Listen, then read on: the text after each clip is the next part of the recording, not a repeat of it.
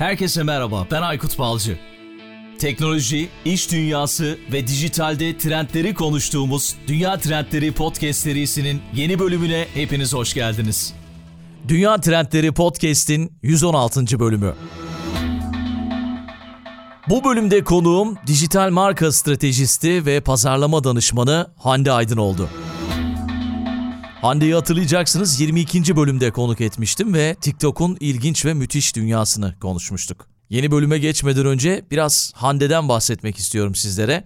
Twitter, TikTok ve son aşamada Facebook gibi çeşitli sosyal medya platformlarında yaklaşık 10 yıllık bir deneyime sahip dijital medya, pazarlama ve strateji uzmanı olarak kariyerini sürdürmeye devam ediyor. Küresel ve yerel şirketlerle, e-ticaret ve oyun şirketleriyle, kobilerle ve çeşitli sektörlerdeki girişimcilerle onların dijital dünyadaki stratejilerini belirlemek, iş ve pazarlama dünyasında sürdürülebilir bir hale getirmek için elinden geleni yapıyor ve birçok çalışmada yer aldı, yer almaya da devam ediyor. Yeni kurulan şirketlerle ve ajanslarla yakın bir şekilde danışman ve eğitmen olarak da çalışmalarını sürdürüyor.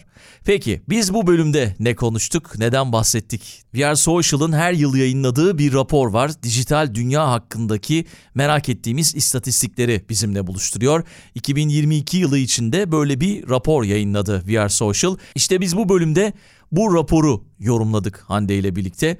Dijital 2022 raporu insanların interneti, mobil ve sosyal medyayı nasıl kullandığı ve dünyanın her yerinde nasıl davrandığı hakkında bilmemiz gereken her şeyi bize anlatıyor. Pandemiyle yaşamayı öğrendiğimiz için sosyal medya kullanıcıları 2021 yılında yeniden yükselirken günlük ortalama cep telefonu kullanımında herhangi bir yavaşlama belirtisi de görülmedi. Bu bölümün başlığına dijital dünyanın en yeni rehberi dedik. Umarım beğenir, yararlanırsınız. Çok çarpıcı istatistikler var bu bölümde. Özellikle Türkiye tarafındaki istatistikleri sizinle paylaştık. Yine çok şey öğrendiğim ve yine çok yararlandığım bir bölüm oldu. Hande'ye bölümün başında bir kez daha çok çok teşekkür ediyorum. Unutmayın sosyal medya üzerinden beğenirseniz bu bölümü paylaşabilirsiniz. Arkadaşlarınızla buluşturabilirsiniz. Onun dışında tabii ki sosyal medya üzerinden lütfen bizi takip alın. Ekşi Sözlük, Apple Podcast, Castbox gibi yerlerden yorumlarda bulunabilir ya da işte bir 5 yıldız verebilirsiniz. O zaman daha üst sıralarda çıkıyoruz ve daha fazla kişiye ulaşma şansını yakalıyoruz. Yine her zaman olduğu gibi Patreon destekleriniz de çok çok önemli. Oradan da bizi destekleyebilirsiniz. Belki de gelecek hafta sizin adınızı bölümün sonunda teşekkür ederek okuma şansını yakalayabilirim. Her şeyi söyledik. Yeni bölüme, 116. bölüme hazırsanız başlıyoruz. Hande selamlar, hoş geldin. Hoş bulduk Aykut, nasılsın? Çok sağ ol, çok teşekkür ederim. Yine seni ağırlamaktan çok çok mutluyuz, keyifliyiz. Evet. Bir buçuk yıl sonra tekrar dünya trendlerindeyim. evet evet, o zaman TikTok anlatmıştın bize. Gerçekten büyük bir ses getirmişti. Yani çok çok teşekkür ediyorum sana benim için de. İlk podcast'im. Bu arada başka sonrasında başka podcast'lere konuk oldum ama her seferinde senin kulaklarını ve dünya trendlerini bir çınlattık. Benim ilk konuk olduğum podcast dünya trendleriydi. Ondan sonra ilk defa buradayım falan gibi böyle konuştum. Benim için yeri çok ayrı, çok keyifli bir deneyimdi. Hatta bana da işte bir sürü yeni yol açtı. Biliyorum biz seni çok yakından takip ettik. Katıldığın her yayında da söyledin. Çok çok sağ ol gerçekten. Ama o zaman da TikTok konusu bilinmeyen bir konuydu. Hala da bilinmiyor. Yani çok da önemsenmiyor hala. Bir bölüm bile yapılabilir hala TikTok konusunda. Ama yani çok gerçekten çok şey öğretmiştin. Hepimiz çok şey öğrenmiştik. Eminim ki markalar da çok çok şey öğrenmiştir. Şimdi tabii o zamandan bu zamana epey bir zaman geçti. Çok da hızlı yaşıyoruz biz hayatı ve sen birçok şey de yapıyorsun. Bu arada podcaster oldun. Onu da bahsetmeden evet. başta geçmeyelim. Tüketime Övgü adında bir podcast yapıyorsun Hakan'la birlikte. O da takip ettiğim podcastlerden biri. Çok çok yararlı oluyor. Bizim için de çok yararlı oluyor. Teşekkür Onun için de ayrıca tebrik ediyorum seni. Peki biraz bu bölümde ne konuşacağız? Ondan bahsedelim. Dijital trendlerden bahsedeceğiz. VR Digital 2022 raporunu yorumlayacağız. Neler evet. konuşacağız? İstersen hemen başlayalım. Tabii ki. Şimdi senin de söylediğin gibi ya özellikle tabii ki de bunda pandeminin etkisi çok büyük. Pandeminin etkisiyle beraber 4-5 yıl sonra görmeyi beklediğimiz birçok rakamı 2021'de gördük. Bunlar kullanıcı rakamları, geçirilen süre, işte e-ticaret kullanıcı sayısı, mobil mobil ticaret kullanıcı sayısı gibi gibi pek çok parametre var. Yer digital raporunu eminim herkes biliyordur ya da en azından kesin katıldığı bir yerde bir slaytını görmüştür. Yani genelde bu tip raporlarda Türkiye'ye çok fazla yer vermiyorlar. Ama bu raporda Türkiye'ye ayrıntılı bir şekilde yer veriliyor. Dolayısıyla bizim de ilgimizi çekiyor. Özellikle bu sektöre karşı ilgi duyanların. Ve o yüzden de çok fazla karşımıza çıkıyor diye düşünüyorum. Kesinlikle yani şeyi şimdi raporun içerisine deep dive ettiğimizde göreceğiz ama mesela bir tane tease'ini vermiş olayım. Instagram bir tek Türkiye'de yani şu an Türkiye Instagram kullanım oranında birinci sırada. Hem geçirilen süre anlamında hem de kullanıcı erişilebilir envanter diye şimdi detaylarını açıklayacağımız parametreler var. Burada Türkiye birinci sırada ve mesela bunu ben çok sık anlatıyorum. Türkiye'de bir tek Instagram böyle diye. Bunu gerçekten bir yerde verify edip hani onaylayıp bakın bu başka bir şey. Başka platformlarda böyle değil ya da dünyanın diğer ülkelerinde Türkiye'de olduğu gibi değil Instagram'ı anlatabilmenin ve karşı tarafa gösterebilmenin de bir yolu gibi oluyor. O yüzden ben bu raporu çok seviyorum. Bir yandan da şeyi bize çok güzel anlatıyor. Şimdi diğer pek çok trend okuyoruz ya da işte dünyada birçok işte yeni kampanya yapılıyor, best practice'ler görüyoruz ve o platformları biz Türkiye'de böyle kullanmadığımız için de raporu anlamlandırmakta zorlanıyoruz. Şöyle en basitinden bahsedeyim. Yine TikTok'tan bir örnek vereceğim. Şimdi dünyada, Amerika ve Avrupa'da TikTok başka bir platform, başka bir yere doğru hızla evriliyor. Şu an YouTube'la aslında kafa kafaya rekabet halinde. Evet. E şimdi sizin de yakın zamanda yaptığınız bölümde konuştuğunuz Wunderman Thompson'ın geleceği belirleyecek yüz trendinde TikTok terapi diye bir trend var. Ve Doğru, insanlar evet. tabii ki de bunu okuyunca diyor ki Niye yani ne demek yani TikTok terapi? Çünkü bizim ülkemizde TikTok'un ya da başka ülkelerde TikTok böyle algılanmadığı için TikTok terapisi ne ya gibi anlamakta da zorluk çekiliyor. O yüzden ben bu de çok şaşırmıştım gerçekten. Önemli. Yani ben de çok şaşırmıştım. Aynen TikTok öyle. terapi nedir diye ve konuşmuştuk orada. ya ilginç gerçekten. Bir de tabii gençlerin çok daha fazla orada olması. Yani bize göre gençlerin çok daha fazla orada olması. Hayır, boomer değiliz Aykut. Hayır, bunu kabul etmiyorum. evet, ya ergenlerin diyelim yani. Orada çok enteresan gelmişti. Şaşırdığım o raporun şaşırtan kısımlarından biriydi gerçekten TikTok tarafında. Kesinlikle. İşte bu öyle parametrelerle aslında yani bu rapor gibi raporlarla doğru okuyabildiğimiz zaman aslında öyle trendleri de doğru yorumlayabiliyoruz. O yüzden beni çok heyecanlandırıyor ve burada öğrendiklerimi anlatmaktan keyif alıyorum. Çünkü o zaman ha demek ki bu yüzden böyleymiş gibi bağlantıları kurup her şeye o gözle baktıktan sonra çok daha verimli, çok daha faydalı çıkarımlar yapmak mümkün oluyor. İstersen yavaş yavaş başlayalım çünkü bayağı bir ajandamız var. Hem platformlara değineceğiz hem de kullanıcı davranışlarına değineceğiz bugün. Hem dünyada Türkiye'nin yeri neresi? Bazı yerlerde çünkü ilk 20'lerde yer alırken bazılarda böyle son sıralarda olduğumuz yerler var maalesef. Mesela bir tanesi sabit internet hızı gibi bir şeyde e, Türkiye sondan dördüncü sırada. Hmm, Bu da tabii ki de çok şeyi negatif etkileyebiliyor. Aynen öyle. Mesela hadi böyle biraz başlarken heyecanlı başlayalım. E, yakın zamanda bir e-spor oyuncusunun dünya çapında bir şey vardı, sponsorluğu vardı Türkiye'den. E, fakat internet bağlantısındaki vesairedeki problemler nedeniyle sponsorluğu iptal edildi. Şimdi yeni dünya insanı olmaktan, yeni mesleklerden, yeni alanlardan bir sürü şeyden konuşuyoruz. Ama önümüzde böyle bariyerler olduğunu da unutmamak gerekiyor. Maalesef umarım en kısa sürede burada da Türkiye'nin diğer olduğu gibi ilk 20'ler içerisinde yer aldığı rakamlar görürüz diyerek yavaş yavaş konuşmaya başlayayım mı? Senin var mı eklemek istediğin? İki sene önce Almanya'ya taşındığımızda podcast yayınlarını yaparken tam böyle işte yayını yapıyoruz. Yayın kopuyor. Yani internet gidiyor. Enteresan yani yayın yaparken internet gidiyor bir şekilde. Bir oldu, iki oldu, üç oldu. En sonunda aradık işte o internet sağlayıcıyı. Vodafone bu arada. Vodafone'u aradık. İşte geldi o arkadaş teknisyen baktı herhangi bir sorun gözükmüyor dedi. Ama dedim ki yani biz Türkiye'de hiç böyle bir şey yaşamadık. Ben hatırlamıyorum yani internetin koptuğunu. İnternet nasıl kopar yani? Aklım almıyor ona. Çok nadir böyle hiç hatırlamıyorum yani son yıllarda Türkiye'de. Anlattım durumu böyle böyle. Ama dedi siz nereden geliyorsunuz? İstanbul dedim. Ama dedi şimdi İstanbul'da siz şu an köyde oturuyorsunuz dedi. İstanbul'da köyü karşılaştırıyorsunuz. Bizim burada internet çok iyi değil dedi. Allah Allah dedim ben böyle kendi içimden yani Almanya'da nasıl internet iyi olmaz. Sonra sorunun modem olduğu ortaya çıktı. Modemi değiştirince modemi değiştirelim dedi. Sorunu çözdük yani burada köyde bile olsa internette bir sıkıntı yok yani. Ben sana şöyle söyleyeyim Aykut ben şu an İstanbul'da yaşıyorum ve İstanbul'da hani Şişli tarafında yaşıyorum. Evde iki modem var. Birinden düşersem birine bağlanayım diye ve çoğu zaman internet bağlantımda problem var. Farklı e, çünkü şirketler şey mi? yok. Farklı şirketler. Ha, o da güzel bir taktik. Ona rağmen evet. bu problemi yaşıyorum. E, çünkü şey değil yani herkesin internet kullanımı ki şimdi geleceğiz. İnternet kullanımı aşırı arttı. Evden çalışma vesaire gibi şeylerle beraber yani tüm gün Zoom'da oluyor olmak. Zoom zaten bir kere başlı başına inanılmaz veri yiyen bir yer. O yüzden de yetmiyor.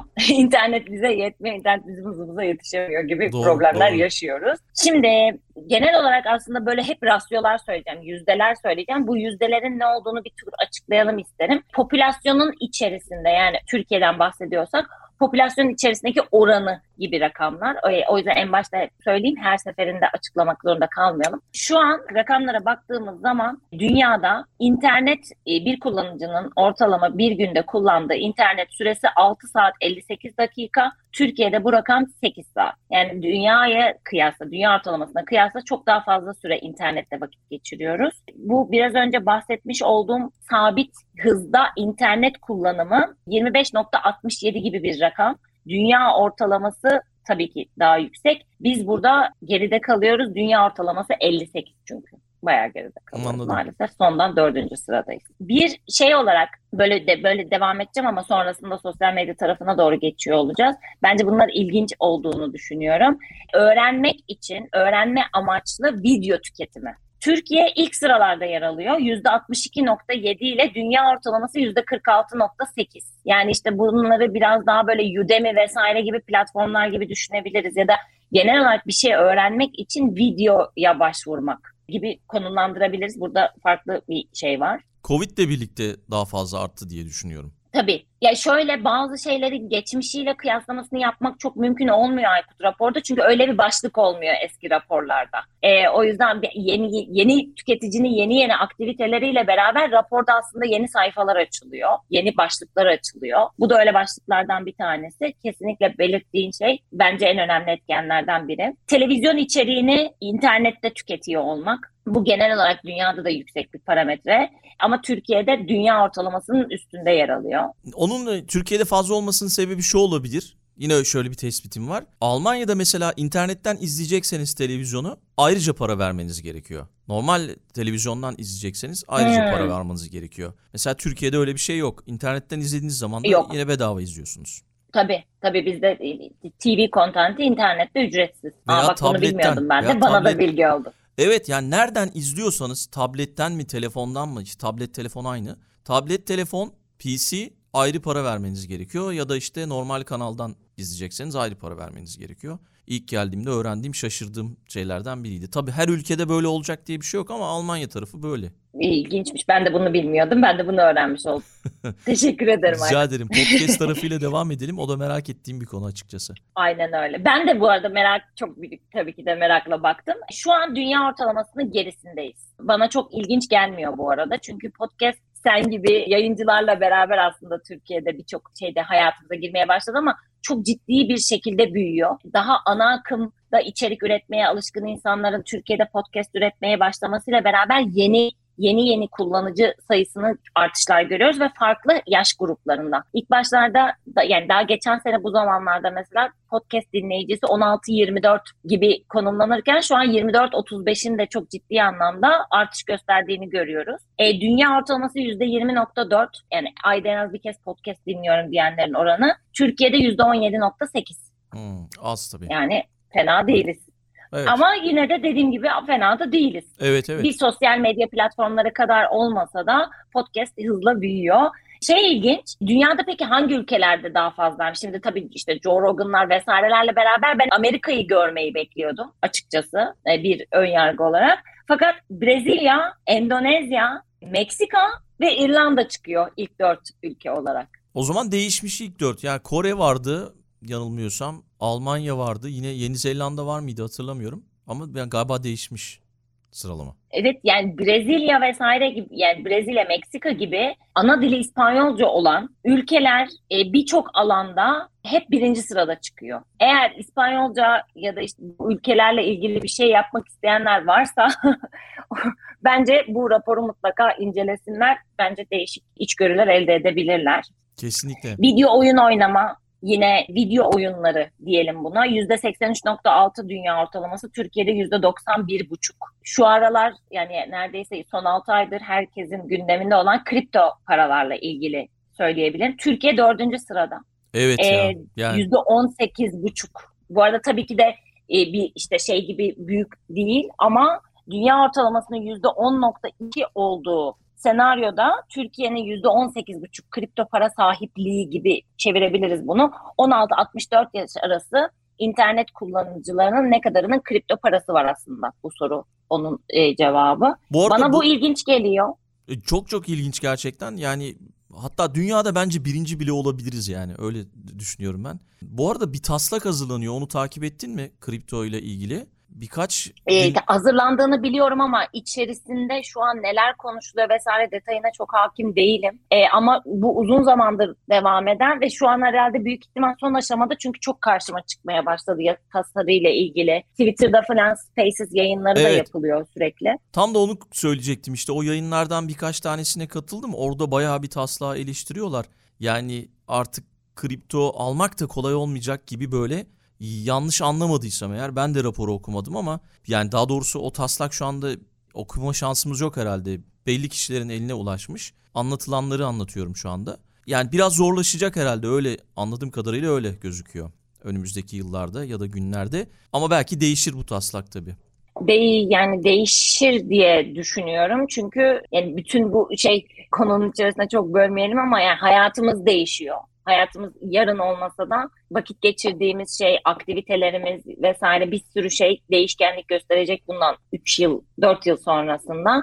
Buraya hazırlık yapıyor olmak bir noktada gerekli. Ama tabii ki de yani rule maker dediğimiz yasa yapıcıların insanların mağduriyetlerini önlemek vesaire gibi şeylerde bence kesinlikle dikkat ediyor olması lazım. Yani o alanda asla bir şeyim yok. E, ama bunu Türkiye'yi bu işin dışında bırakıyor olmak bize negatif geri dönecektir diye düşünüyorum. Evet evet zaten o sektörün paydaşları işte konuştuğu için onların konuşmalarını konuşmalarından aldığım izlenim yani birazcık bu taslağı beğenmemişler işte belki devlet de yani regülasyonlar da o, o yüzden böyle taslak halinde şu anda geliştirmek için herhalde daha farklı şeyler yaparlar diye tahmin ediyorum ama şu anda tabii o taslağa göre anladığım kadarıyla yani kripto önümüzdeki günlerde de çok zorlaşacak eğer böyle kalırsa taslak. Yani şimdiki ekosistemle ilgili yine e, bu raporda olmayan ama elimde başka bir yerden almış olduğum bir veri var bir açıklamadan.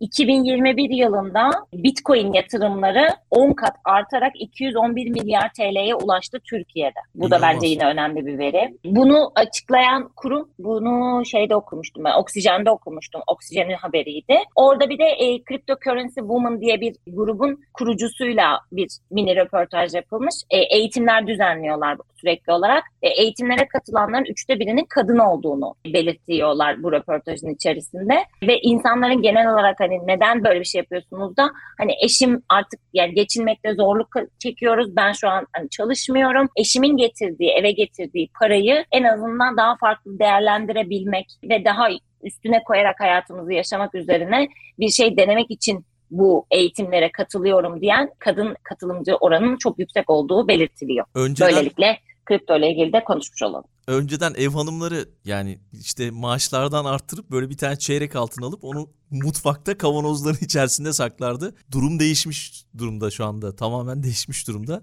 E, Kripto ile değerlendiriyorlar İşte- herhalde. Aynen öyle. Ya değişim o kadar içi çok boşaltılmış bir kavram gibi gözükse de aslında cidden çok ciddi bir değişim ve dönüşüm sürecinden geçiyoruz. Bu dünya çapında da böyle, Türkiye'de de aynı şekilde. O yüzden de alışkanlıklar, e, şimdiye kadarki içgörüler vesaire hepsi sürekli olarak değişiyor. Bu sektör bağımsız olarak. Benim sektörüm sürekli değişiyor çünkü bizde işte bugün bir sabah uyanıyorsun platformda bir özellik değişmiş ya da işte örnek veriyorum bir, şey oluyor vesaire bir çok o öyle ama onun dışındaki diğer sektörlerde de bence çok ciddi bir değişim var. Çünkü hayat değişiyor belirttiğim gibi ya da tüketici olarak birey olarak yani yaptığımız işten bağımsız birey olarak bizim yaşadığımız hayat karşımıza çıkan fırsatlar vesaireler çok değişiyor. O yüzden bu yani değişime ayak diremek ya da bana sorarsan takip etmemek. Gerçi seni dinleyen insanlar zaten bu şeyleri din- haberdar olmak için dinleyen insanlar. O yüzden eminim ne dediğimi çok iyi anlayacaklardır. Ama böyle, bir bu bir gerçeklik artık yani. Doğru doğru evet yani bu Eh. değişimi zaten biz de hissediyoruz. İki yıldır bunları konuşuyoruz işte podcast'te. Konuşmaya da devam edeceğiz. Haklısın gerçekten. Şimdi yavaş yavaş platformlara geçelim istiyorum. Yani yine hem tüketici olarak hem de işi burada olan ya da işte genel olarak pazarlama faaliyetleriyle ilgilenen dünyaya açılmak isteyen insanlar için ve ben çok kıymetli veriler olduğunu düşünüyorum bunun. Şimdi önce YouTube'la başlayalım isterim. YouTube'da Türkiye'de kullanıcıların, internet kullanıcılarının e, YouTube kullanma oranı %72.9. Dünya ortalaması %37.7. Türkiye burada dünya ortalamasının üstünde ama sadece Türkiye'yi öyle düşünmeyelim. Çünkü genel olarak e, Türkiye bu rakamıyla 72.9 rakamıyla 20. sıralarda filan yer alıyor. O yüzden genel olarak e, baktığımızda hani başka platformlarda şimdi gelince konuşacağız. Türkiye açık ara önde olduğu ve birinci sırada olduğu yerler de var. Ama YouTube öyle bir şey değil. Genel olarak dediğim gibi dünyanın pek çok ülkesinde kullanım oranı çok yüksek. Ortalama geçirilen süreye baktığımız zaman 23.7 saat. Bu da şey bir ayda ortalama ne kadar kullanıcı geçiriyor. Bu arada bu rakamların hepsi Android tabanlı telefonlar üzerinden toplanan veriler. Onu da eklemiş olalım. Türkiye'de ise ortalama ayda geçirilen süre 18,5 saat. Yani yaklaşık böyle bir 7. 8. sıralarda yer alıyoruz. Şey bence önemli bir veri. Geçtiğimiz aylarda Ocak ayında YouTube'da en çok dinlenen overall'da baktığımızda Despacito şarkısı birinci sıradaydı. Onu Baby Shark geçti. Ha, evet. Ee, bu da aslında çocuk çocuk endüstrisinin ne kadar büyüdüğüne dair bir işaret. Çünkü bazı kanallara baktığımızda Cocomelon vesaire gibi kanalların da şu an en çok izlenen, en çok trafiğe, izlenmeye rakamlarına sahip kanallar olduğunu görüyoruz. Çocuk alanıyla ilgili bir şeyler yapanlar varsa onlara da bu bilgi faydalı olacak. Çocuk kanalı geçen bir tane haber gördüm öyle. Çocuk kanalı bir tane çocuk kanalı Neymiş? film olarak karşımıza çıkacakmış. Yani filmi yapılacakmış. O çocuk kanalını sunan çocuğu bir filmi filme dönüştürecekmiş o yaptığı şey işte. Ya Ulusal inanılmaz bir endüstri. Ya Türkiye'de de öyle, dünyada da öyle. İnanılmaz yani yatırımlar alıyorlar, farklı platformların içerisine entegre oluyorlar. İşte bu Pinkfong, Cocomelon gibi global kanallar çok çok ciddi yatırımlar alıyorlar. Ee, o taraf çok şey hızla büyüyor. Evet evet. Gelelim Instagram'a ki bence en ilginç ve Türkiye'de de herkesin en çok merakla beklediği platformu bu olduğunu düşünüyorum. Ee, 1.48 milyar kullanıcı e, hemen hemen kadın erkek dağılımı eşit öyle düşünebiliriz. Türkiye burada gerçekten çok ilginç bir parametreye sahip. Bu bahsetmiş olduğum erişilebilir, hedeflenebilir insan sayısı 13 yaş üstü kullanıcılardan. Türkiye Instagram'da birinci sırada %76 buçukla. 13 yaşın üstündeki internet kullanıcılarının %76 buçuğu Instagram kullanıyor ve bu rakamla Türkiye dünyada birinci sırada. Dünya ortalaması %23.9. Çok az ya gerçekten dünya ortalaması ve biz yani Instagram'da yaşıyoruz o zaman. YouTube, Instagram gerçekten öyle. Yani YouTube bak şeyi gör- görüyoruz yani YouTube'da Türkiye 20. sıralarda. Çünkü dünyada genel olarak YouTube tüketimi çok yüksek ama yani Instagram gerçekten çok ilginç ve diyorum yani ben bunu insanlara anlatmaya çalışıyordum. Çünkü Londra'da yaşadığım bir dönem var mesela. Orada bizim benim yaşadığım insanların o kadar azdı ki Instagram hesabı olmaz. Onlar hala Facebook kullanıyorlar.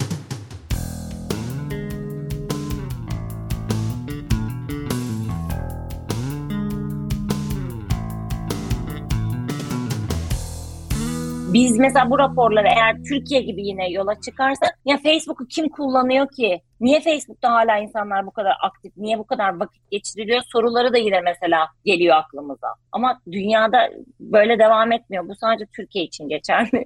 Instagram'ın bu kadar hype olması. Almanya tarafında da öyle. Yani Facebook burada hala çok aktif. Hatta bazen bazı web sitelerine falan bakıyorum.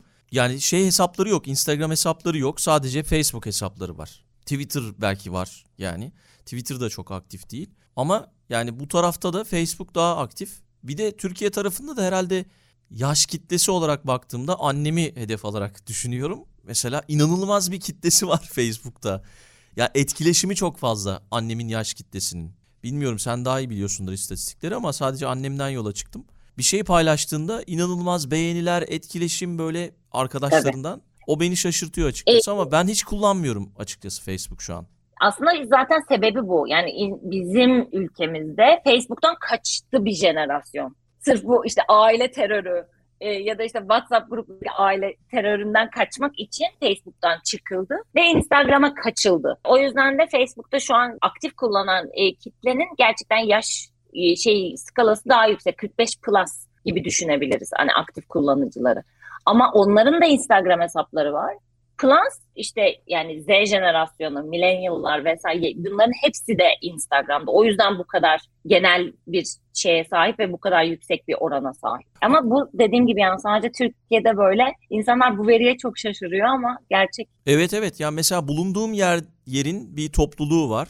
Yani bulunduğum şehrin bir topluluğu var. Orayla ilgili bilgilerin hepsini o Facebook sayfasından alıyorum. Şimdi tam %100 kullanmıyorum demeyeyim. Orada çok güzel bilgiler oluyor. Yani işte şehre bir konser geldiğinde işte nerede ne yenir e, çok güzel tavsiyeler veriyorlar veya işte ilginç etkinlikler oluyor. Birisi bir şeyini satıyor, birisi bir şey arıyor. E, çok güzel bir topluluk oluşturmuşlar Tabii. Facebook'ta. Mesela Facebook onu grupları bu arada bahsettiğin gibi tüm dünyada böyle Amerika'da da yine aynı şekilde Facebook grupları işte oyun grupları var mesela yine ebeveyn şeylerinde ya da işte yeni şehre o bölgesine yeni bir bölgesine taşındın. O bölgeye dair bir grubun olması ve işte insanların önerilerini ya işte ne bileyim tamirat işin var. Hani tamirciyi bile oradan sorabildiğin vesaire çok fazla grup var. Yani çok başka şey amaçla kullanılıyor ve gerçekten insanlar birbirlerine dayanışma ya da işte bilgi paylaşımı, deneyim paylaşımı vesaire gibi şeyleri çok görüyoruz ama Türkiye'de Facebook'ta yok öyle bir şey. Çünkü dediğin gibi yani çok ciddi bir kullanıcı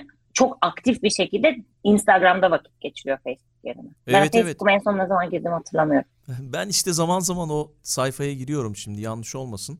Yani ben de giriyorum bakıyorum ama hiçbir şey yapmıyorum Facebook'ta. O sayfada mesela senin de dediğin gibi işte usta arıyorum, arabamı tamir ettireceğim, lastiğimi değiştireceğim veya işte buzdolabımı yenileyeceğim bunu ücretsiz verebilirim ihtiyacı olan birine gibi gibi şeyler gördüm çok fazla. Tavsiye üzerine yani insanlar böyle birilerinden tavsiye istiyor. Deneyimlerini paylaşıyorlar daha doğrusu.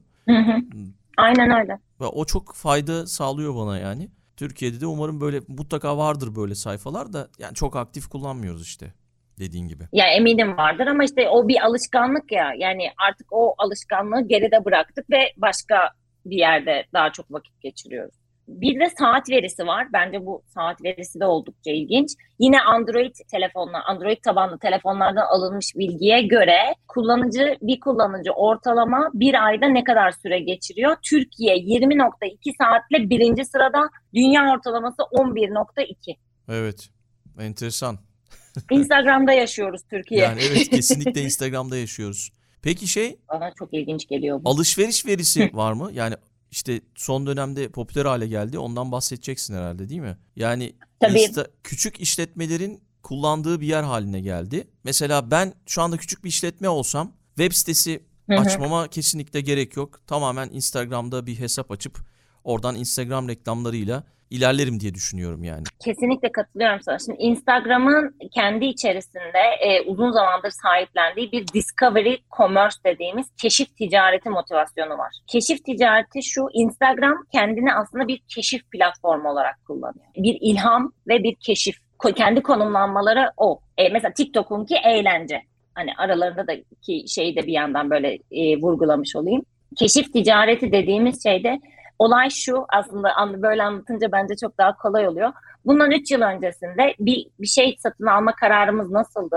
Örnek veriyorum siyah kot pantolona ihtiyacım var. Siyah, tamam siyah kot pantolon ben işte bütçeme göre, modeline göre, kalitesine göre, işte tarzına göre neyse bir sevdiğim mağazalar var. O mağazalara gidiyordum. O mağazalarda deniyordum. E belki işte üstüne bir tane tişört alıyordum ya da kasa yanında işte çorap vardı çorap alıyordum ve çıkıyordum. Şimdi günümüzde siyah kot pantolona ihtiyacım olduğunu bilerek uyanıyorum sabah diyelim. E, gün içerisinde Instagram'a giriyorum ve akşam kendime işte köpeğime mont almış ya da eve yeni bir bitki almış ya da işte yeni bir işte ne bileyim e, Diş macunu. baharatlı bilmem ne ezmesi aynen öyle diş macunu alırken yakalıyor. Bu aslında işte keşif ticareti dediğimiz şey tamamıyla bu. Yani siyah pantolon nerede? Ben turuncu ceket aldım. Altına ne giyeceğim belli değil. Çünkü yeni bir şey gördüm, keşfettim, ilgilendim. Yani bu aslında bizim pazarlama hunisiyle olarak anlattığımız şey bir bilinirlik sağlamak, orta segmentte bir ilgi sağlamak, sonuncusuna aksiyona dönüştürmek. Yani kullanıcının o ürünü satın almasıyla bitmesi. İşte bu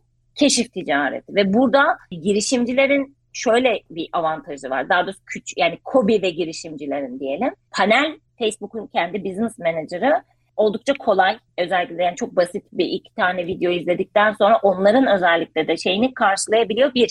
İkincisi Türkiye'de bu kadar yüksek envanter varken yani popülasyonun yüzde 72'sine Instagram üzerinden ulaşabiliyorsun bir marka, bir girişimci olarak. Hedefleme opsiyonları var. Üstüne burada işte yeni gelmiş olan istersen Shopier vesaire gibi yani böyle markaları da söylüyorum ama Shopier vesaire gibi yerlere hani hiçbir e-ticaret sitesi açmadan bir link üzerinden ürünlerini tanımlayıp oradan satma potansiyelin var. E yine girişimci tarafında farklı hibeler, destekler var. Facebook'un yine Türkiye'de çok ciddi eğitimler veriyor. Ücretsiz pek çok eğitimi var gibi gibi gibi birçok şey alt alta koyduğumuzda girişimci için tabii ki de çok mantıklı ve kolay yapılabilir, planlanabilir bir pazarlama aktivitesi yapabiliyor. Ve dediğim gibi yani buradaki en önemli şey %72'ye erişebiliyor. Sosyal ticaret diyoruz herhalde buna değil mi? Öyle bir Sosyal ticaret aynen öyle. Yeni markalar ve ürünler keşfetmek için Instagram'ı yüzde kaç kullanıyor Türkiye'de? Var mı böyle bir oran? Amerika yanılmıyorsam yüzde altmış. Bu dünyada var. Aynen bu dünya çapında Instagram'ın paylaştığı bir e, istatistik. İşte Instagram'dan ilham alıyorum yani Instagram'da görüyorum ve ilk defa keşfediyorum diyenlerin oranı yüzde seksen civarında dünyada. Bunun %80 haricinde çok iyi ya gerçekten. Tabii. Başka bir yerde görüyorum. ikna olmak için gelip Instagram'dan araştırıyorum. Tekrar double check gibi. Yani hani bir yerde gördüm. Aa dur Instagram'ına bakayım onun bir motivasyonuyla geri geliyor olanların da oranı yaklaşık yine yüzde seksenlerde. Yani ikinci bir teyit mekanizması olarak kullanmak. Bu da tabii ki de çok ciddi bir ticaret fırsatını getiriyor. Bir üçüncüsü de bu yine aslında bu raporun içerisinde de var. İnternette yani genel olarak internette geçirdiği süreyi yeni bir markayı keşfetmek ya da bir markayı araştırmak, bir ürün araştırmak vesaire için kullananların oranı da çok yüksek. Yani evet mail iş için kullanıyoruz, sosyalleşmek için, eğlence için, yeni bir şey öğrenmek için kullanıyoruz ama marka araştırması adı altında da ciddi bir kullanım motivasyonu var. %53 dünya ortalaması, Türkiye dördüncü sırada %68.2 ile. Evet gerçekten enteresan. Peki şeyi merak ediyorum. E, yani dağıtmıyorum konuyu umarım. Instagram'daki videolar Olsun. diğer diğer formatlardan daha fazla mı etkileşim alıyor? Diğer formatlarla kastettiğin şey ne? O doğrusu anlayış Yani veriyor. Instagram'daki şey hani resim koyuyorsun Instagram'a ya da işte Reels koyuyorsun e, ya da story atıyorsun. Hı hı. Yani video koymak ve resim koymak arasında düşünsek herhalde video daha fazla etkileşim alıyor. Öyle tahmin ediyorum. Şimdi etkileşimin yani senin amacının ne olduğu. Burada hani pazarlamanın şey temeline böyle ufak bir giriş yapayım. Buradaki amacın ne? Şimdi Reels bambaşka bir şey. Reels daha çok iyi markalar özelinde eğer konuşacaksak keşfedilmek için yaptı, e, kullanılmasını önerdiğimiz bir şey.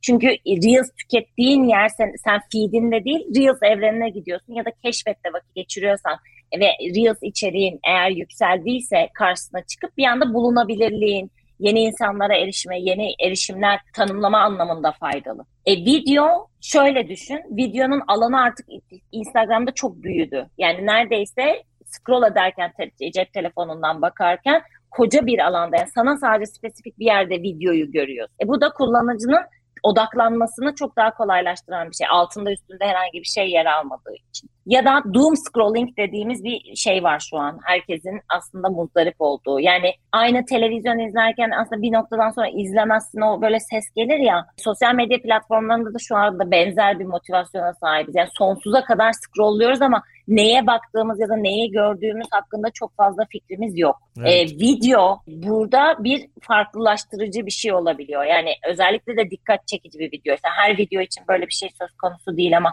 başlangıcında vesaire de bir anda o thumb stopping power dediğimiz bizim parmak durdurma kuvveti olan içerik dediğimiz şeyde minvalde içerikler üretilebiliyorsa tabii ki bu herhangi bir sabit fotoğraftan daha etkili ama reklam kreatifi olarak baktığın zaman e, ya da işte kullanıcının ya da senin hedef kitlene de çok bağlı olarak değişen bir şey. Senin hedef kitlen video izlemekten hoşlanmıyor da olabilir ya da doğru, e, doğru. videonun tetikleyicisi olmaya da bilir. O yüzden doğru yanlış şey yok kim için ne için hangi KPI için diye sormak daha doğru olur. Anladım. Tamam. Stratejiyi kendimiz belirleyeceğiz duruma göre. Aynen öyle. Belki bir gün şey yaparız. Öyle de yaparız. Pazarlama genel olarak konuşuruz. Bana şey olsun konuşurum ben. Sonrasında şeye geçiyorum. Birazcık rakamlardan bahsedeceğim. Orada şöyle ki TikTok'a geçeceğim Instagram'dan sonra. TikTok Çin haricinde 884 milyon kullanıcıya sahip. %57'si kadın yine bu rakamlara baktığımızda. Türkiye 10. sırada erişilebilir yine hacim açısından. Aa, Yüzde 43 ediyor şeyine baktığımız zaman. Popülasyonun yüzde 43'ü kullanıyor. Dünya ortalaması yüzde 15.9.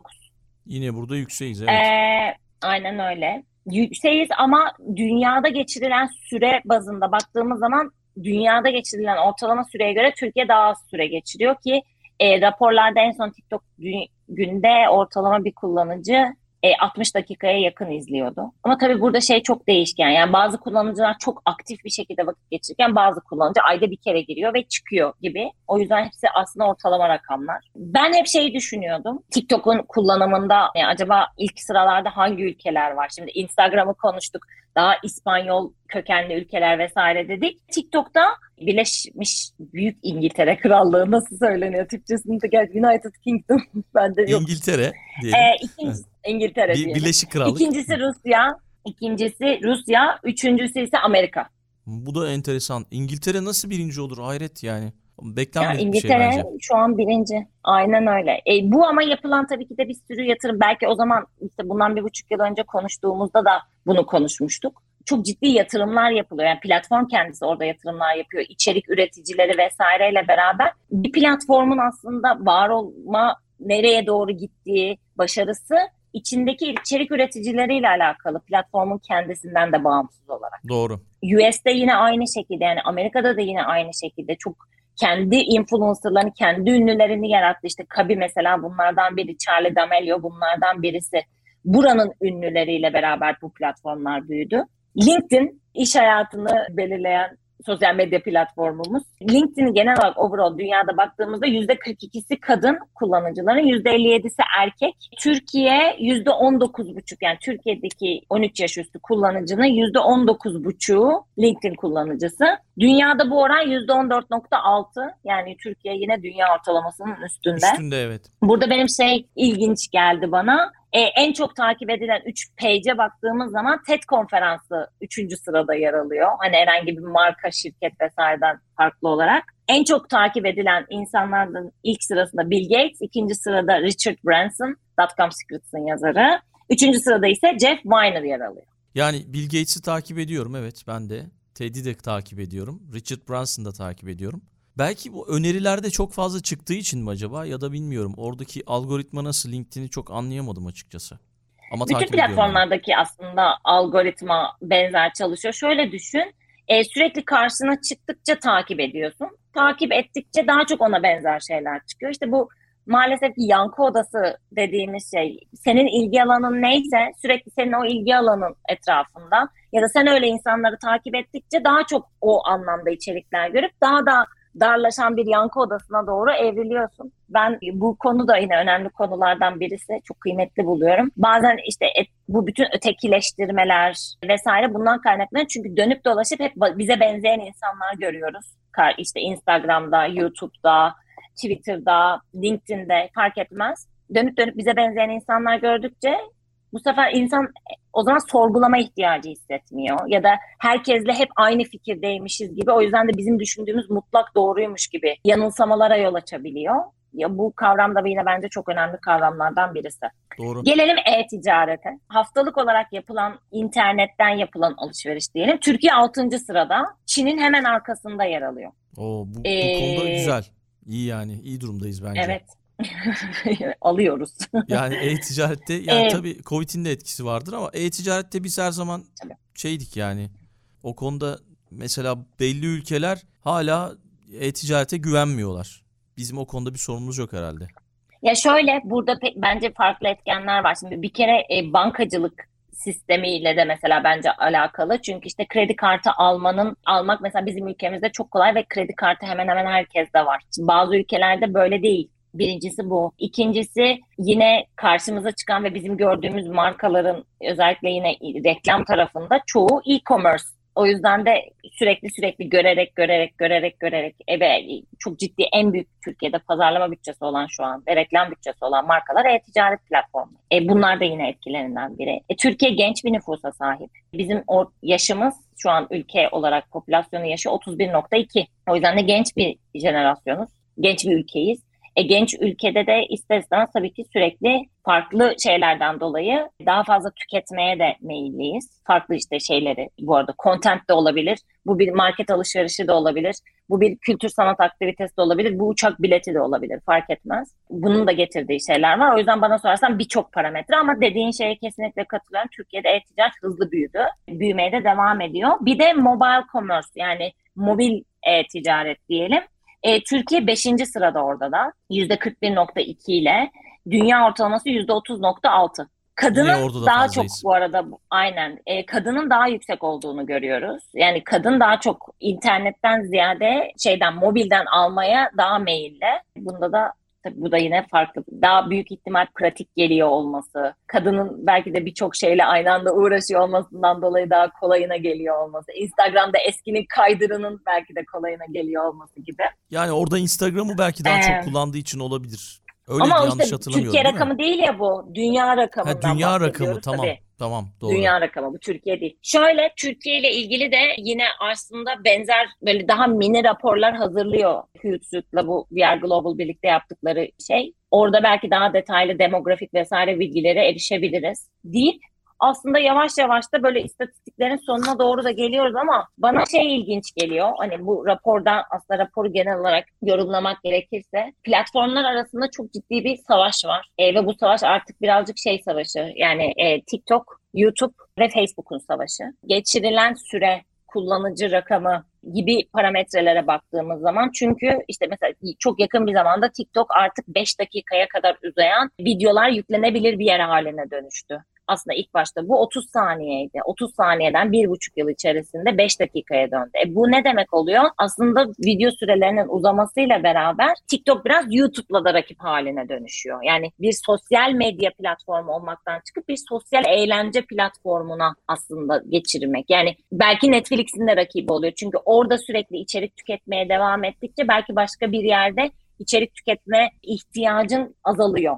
O yüzden platformların kendi içerisindeki konumlanmaları değişiyor. Tüketicinin o platformda görmeyi beklediği şey değişiyor. E, YouTube artık biliyorsun yani yeni zamanın televizyonu gibi. Hele de Türkiye'de birçok farklı kategorideki içerik üreticisi kendi YouTube kanallarını kurarak ya da var olan kanalların altında programlar yapıyorlar. Bayağı bir saatlik, iki saatlik. Bu da tabii ki yine hem ülkenin değişen demografisiyle hem de alakalı hem de tüketicinin aslında talebinin de bu yönde olması. Yani reklam izlemeden işte mesela belki eğitim içerik içerikleri var. olması gibi. Eğitim içerikleri var.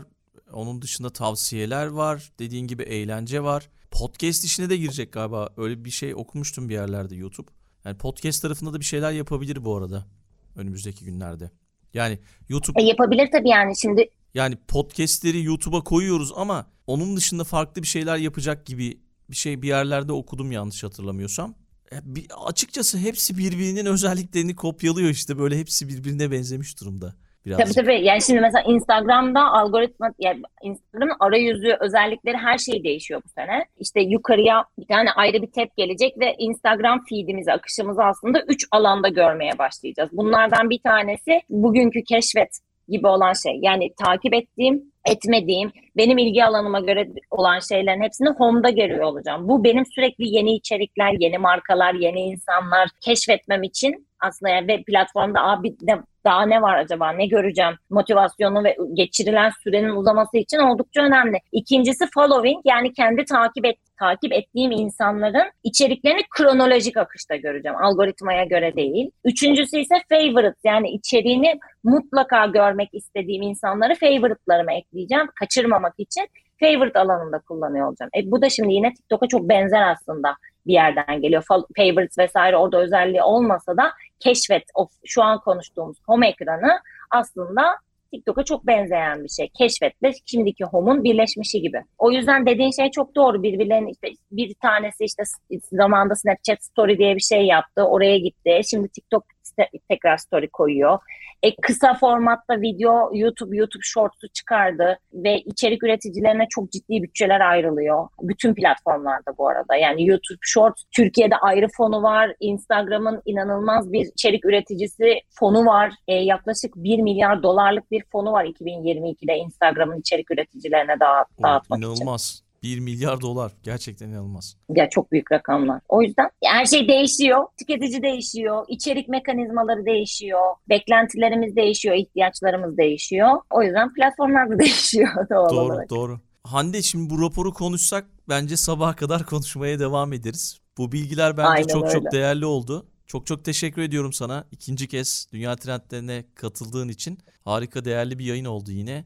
Bu raporu bizim için yine güzel bir şekilde yorumladın. Çok çok sağ ol. Belki kapatırken yine son sözlerini alırız. Bir de kitap önerisi alırız her zaman olduğu gibi. Sonra da veda ederiz, kapatırız. Ben teşekkür ederim öncelikle. Ee, çok keyifliydi seninle öncesindeki sohbetimizde kayıtta. Umarım dinleyenler de beğenir. Dinleyenler de yeni bilgiler öğrenir ve onlara da yeni bir kapı açmış oluruz, yeni bir pencere açmış oluruz diye düşünüyorum, diye umut ediyorum daha doğrusu.